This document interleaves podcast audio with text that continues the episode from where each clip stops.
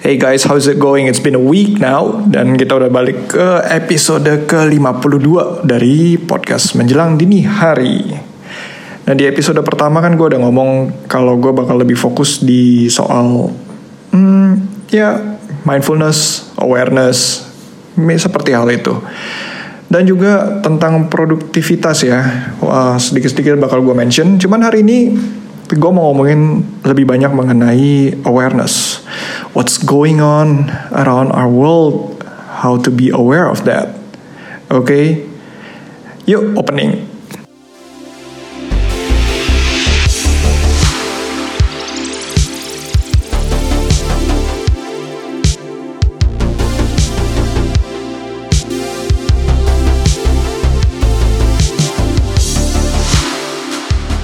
Ya kemarin ini di pertelevisian ya khususnya tepatnya di bulan Desember itu kita sempat rame ya karena iklan Blackpink yang merajalela di televisi stasiun televisi terus jadi ribut-ribut. Tapi gue bukan mau ngebahas itu, gue mau ngomong ngebahas sedikit mengenai uh, salah satu personilnya Jenny yang dia ngerilis single berjudul Solo.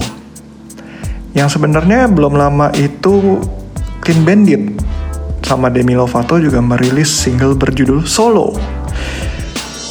Dua lagu dengan dua judul yang sama, bertemakan hal yang sama, uh, seorang wanita yang ditinggal sang kekasih dan sekarang sendiri. Cuman yang satu mengambil tindakan um, ya apa agak dance, yang satu bilang I think it's a bit fierce and I'm not really sure. I don't understand Korean. Gue juga nggak mencoba mencari liriknya hanya aja gue bingung, kok bisa ya?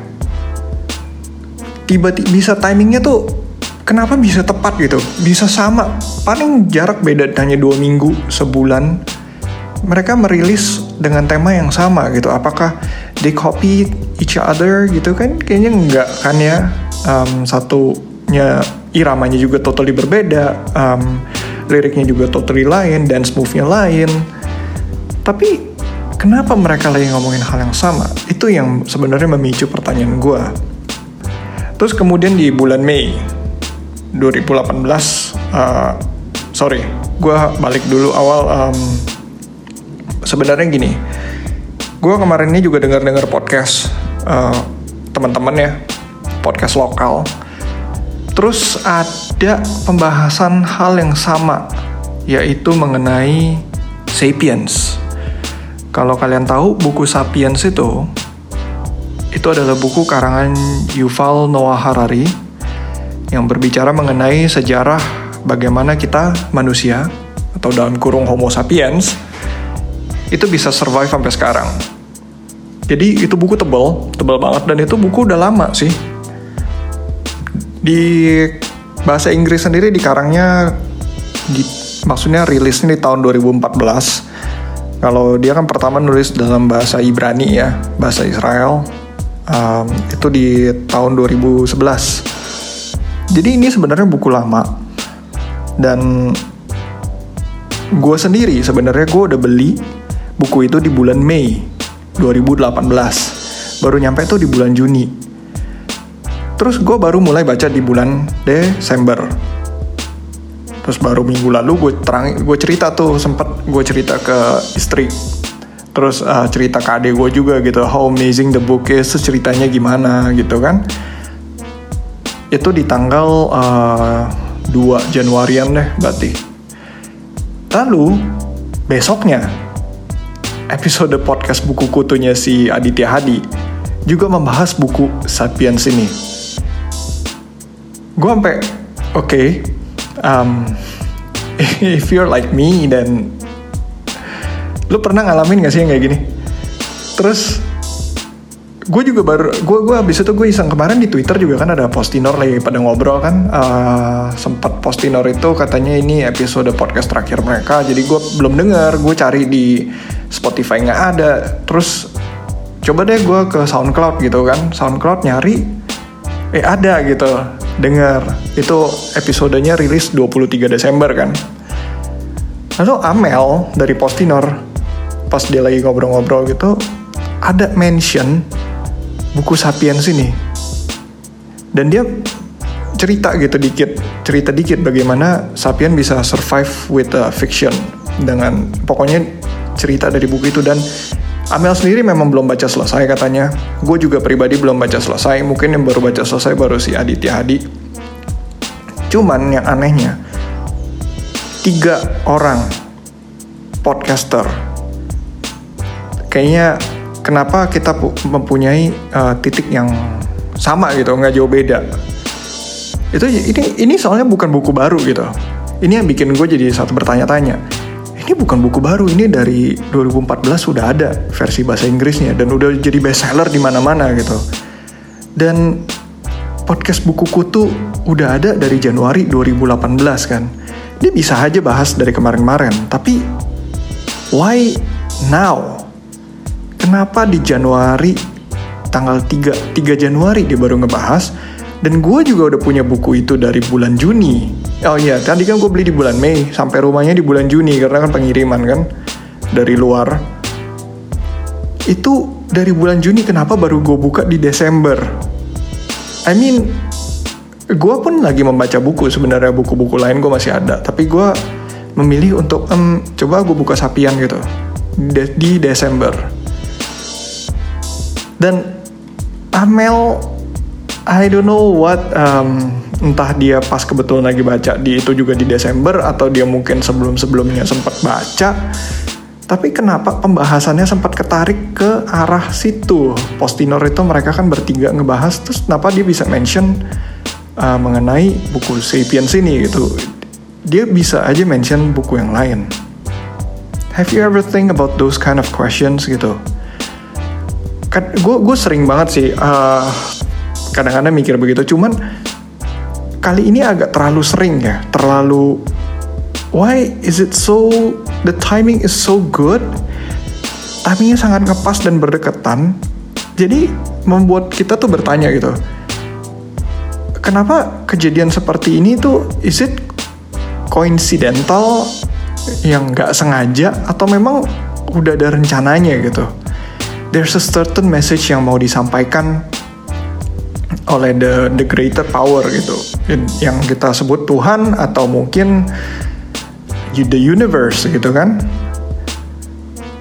Atau mungkin udah ada sebenarnya sebuah kayak wadah intelijensia gitu kan yang di mana kalau semua orang bisa mengaksesnya kita bisa mendapatkan insight yang sama gitu. Kalau misalnya pas gue lagi gelombang otak kita kan bekerja dengan gelombang ya. Kita kan ada apa antara sinapses di otak kita itu semua berkomunikasi dengan uh, listrik listrik apa sebutannya? Listrik kecil ya gelombang gelombang listrik yang sangat kecil nyetrumnya gitu tertetet kalau kalian belajar biologi kalian akan tahu. Dan itu ada ada gelombangnya ada brain wave-nya ada gelombang otak. Nah kalau kita bisa mengakses frekuensi yang sama kita kan apakah kita bisa mengakses ke wadah intelijensia itu atau mungkin waktu itu frekuensi gua, Amel dan si Aditya Hadi kebetulan waktu itu sama. Apa mungkin produser musiknya si Jenny, Jenny dengan lagu solo sama si Green Bandit, apakah mungkin sama kali mereka punya frekuensinya makanya aksesnya bisa sama timingnya. Have you ever think about that kind of question before? Gua kalau dulu gue mungkin masih nggak tahu ya. Cuman recently um, kita lagi kan gelombang mindfulness itu sangat besar and we have the word for it. So I say to you guys welcome to the world of collective consciousness. Ini kita sebut sebagai kesadaran kolektif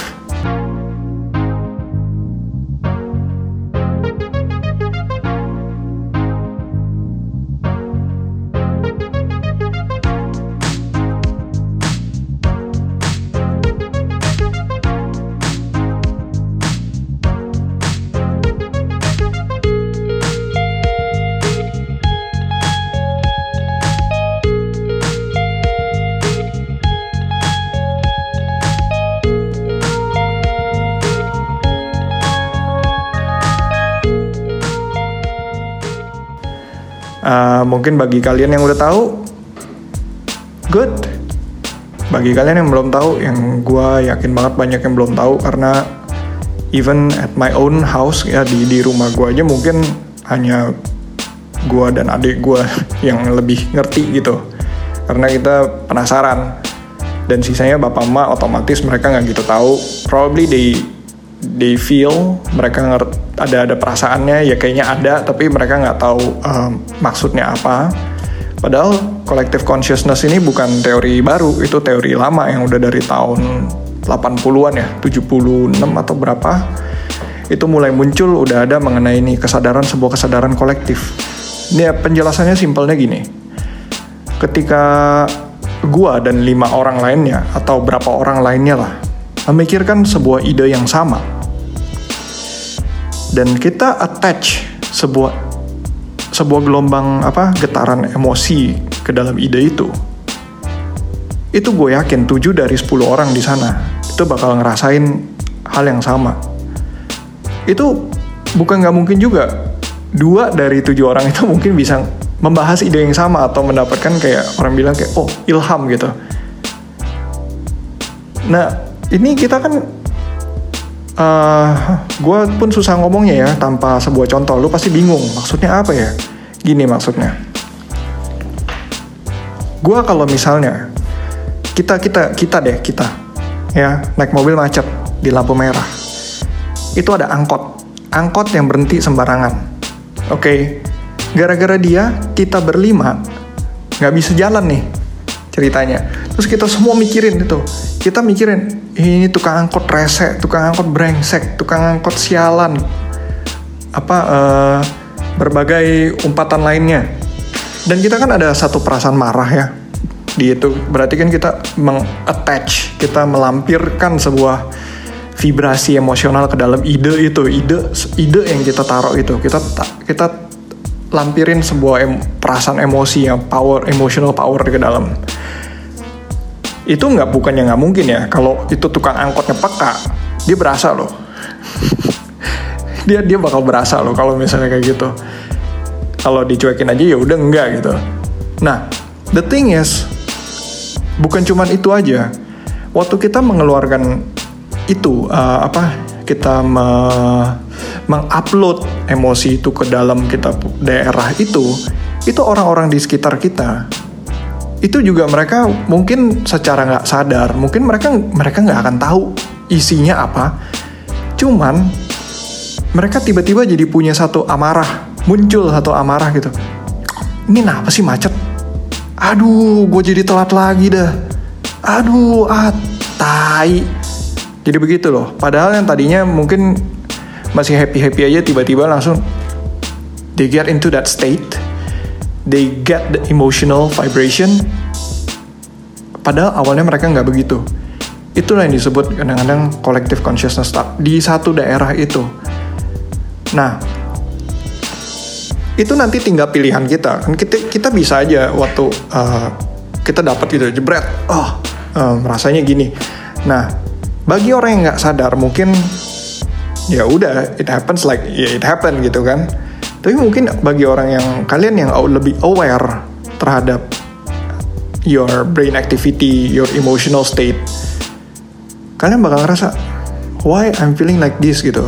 Terus kalian mau ngelanjutin to take the action yang di diarahkan atau we take responsibility? Enggak enggak enggak enggak let it go let it go. Gue bukan tipe seperti ini itu loh di daerah itu yang namanya ada collective consciousness. Ini juga kenapa kadang-kadang uh, bukannya apa misalnya kalian tinggal di sebuah lingkungan yang um, banyak anak nakalnya.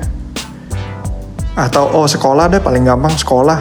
Makanya kalau sekolah anak nakal kalau lu udah masuk ke dalam situ lu itu udah sulit untuk lu berkembang untuk menjadi anak yang baik. Anak yang baik aja bisa jadi rusak masuk ke dalam situ. Ya mungkin ya bang itu pergaulannya lah bang gitu kan? Pergaulannya lah. Ya benar pergaulannya benar. Tapi bayangin kok ada guru-guru yang bisa menuntun? Pada orang tua mungkin di rumah dia orang tuanya uh, bisa nuntun dia dengan baik-baik. Kenapa dia begitu? Dan oke okay, kalau itu sekolah. Kalau misalnya kadang-kadang uh, sebuah lingkungan kampung, sebuah uh, pedesaan gitu kan. Makanya kenapa kadang-kadang ada yang dibilang oh orang orang Jakarta orangnya begitu semua rata-rata orangnya begini begini begini begini. Karena kita punya satu apa ya orang orang daerah yang datang ke Jakarta ketika dia eh, nggak uh, sadar dengan ini dan mereka mereka menyatu gitu mereka juga akan menjadi orang Jakarta nantinya karena mereka bakal terima those collective consciousness sebuah kesadaran di area itu mereka akan terima. Somehow itu everything is subconscious actually. Jadi kita nggak secara sadar maupun nggak sadar kita akan men, uh, mendownload dari tempat itu. Nah ini juga kenapa um, gue jadi mikir juga ya apakah ada library? Dan itu ternyata benar. Makanya kenapa kadang mikir ya can you imagine apa orang-orang kayak uh, Leonardo da Vinci bisa mempunyai ide untuk membangun kayak bikin dia udah sketsa loh sebuah helikopter.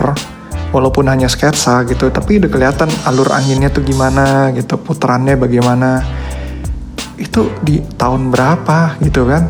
Dan sekarang kita hanya mempercanggih dia punya desain sebenarnya dan bayangin Steve Jobs di Apple kenapa dia bisa mempunyai vision untuk membuat Apple menjadi sehebat sekarang gitu tapi Tim Cook yang nggak bisa. Dia nggak bisa. Dan bayangin, I have a, ini mungkin trivial ya buat kalian, tapi semua orang yang udah di dunia tech itu semua udah pada tahu. Hampir rata-rata udah tahu yang ngikutin. Steve Jobs, waktu masih hidup, dia kan pernah mentoring si Larry Page sama Sergey Brin terus juga Mark Zuckerberg juga pernah dia bukan mentor sampai gimana tapi pernah kayak ngasih sedikit insight. Mereka sempat sharing sesaat. Dan Steve Jobs mem, kasih tahu mereka kayak kalian tuh harus pergi ke satu tempat di India and spend time there. Crazily gitu kan ini orang-orang yang disebut ini kan kalian tahu kan seberapa besar korporasi mereka sekarang seberapa hebat gitu. I mean like Amazon is big, is huge. Uh, Microsoft is also huge, but it has a different vibes gitu dibandingkan dengan perusahaan seperti Apple, Facebook dan Google yang yang huge-nya tuh lain gitu. The impact is a bit different. Inilah yang kadang-kadang what what is happening ya? How to access that collective consciousness. Gimana kita bisa dapetin kesadaran kolektif yang itu? Dan kenapa gua, Aditya Hadi, Amel, kita punya kesadaran yang sama? Apakah itu tergantung dari, dari level intelijensia kita? Gua nggak yakin. Um, gue yakin banget kayak Adit, Amel itu jauh lebih pintar dari gue secara level intelligence tapi why? Nah, itu buat closing. Oke. Okay. So next episode I'll let you know how to actually um, gain. Kita nggak bisa dapat full access mungkin gimana. I'll let you know how to gain access ke collective consciousness. At least lu kalian akan dapat gimana kesadaran kolektif itu. Kalian akan ngerasain. Oke. Okay? So, as usual, you can find me on Twitter atau Instagram at Bang Tipen. Message me, say hi, and let me know what you think. Share to me, gue bener-bener mau tahu cerita kalian. Pernah gak sih kalian ngalamin hal seperti ini? Pernah gak sih kalian mikirin hal seperti ini? Kok kayaknya ngepas banget sih? Is it coincident atau emang udah ada yang ngatur? Atau ada yang udah pernah ngalamin?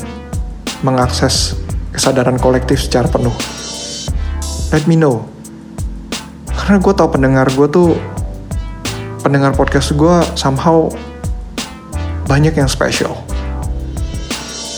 They share stories yang gue nggak share sama gue gue nggak share di podcast ini karena to be honest I'm very happy to get intimate stories dari kalian. Dan itu I keep it to myself.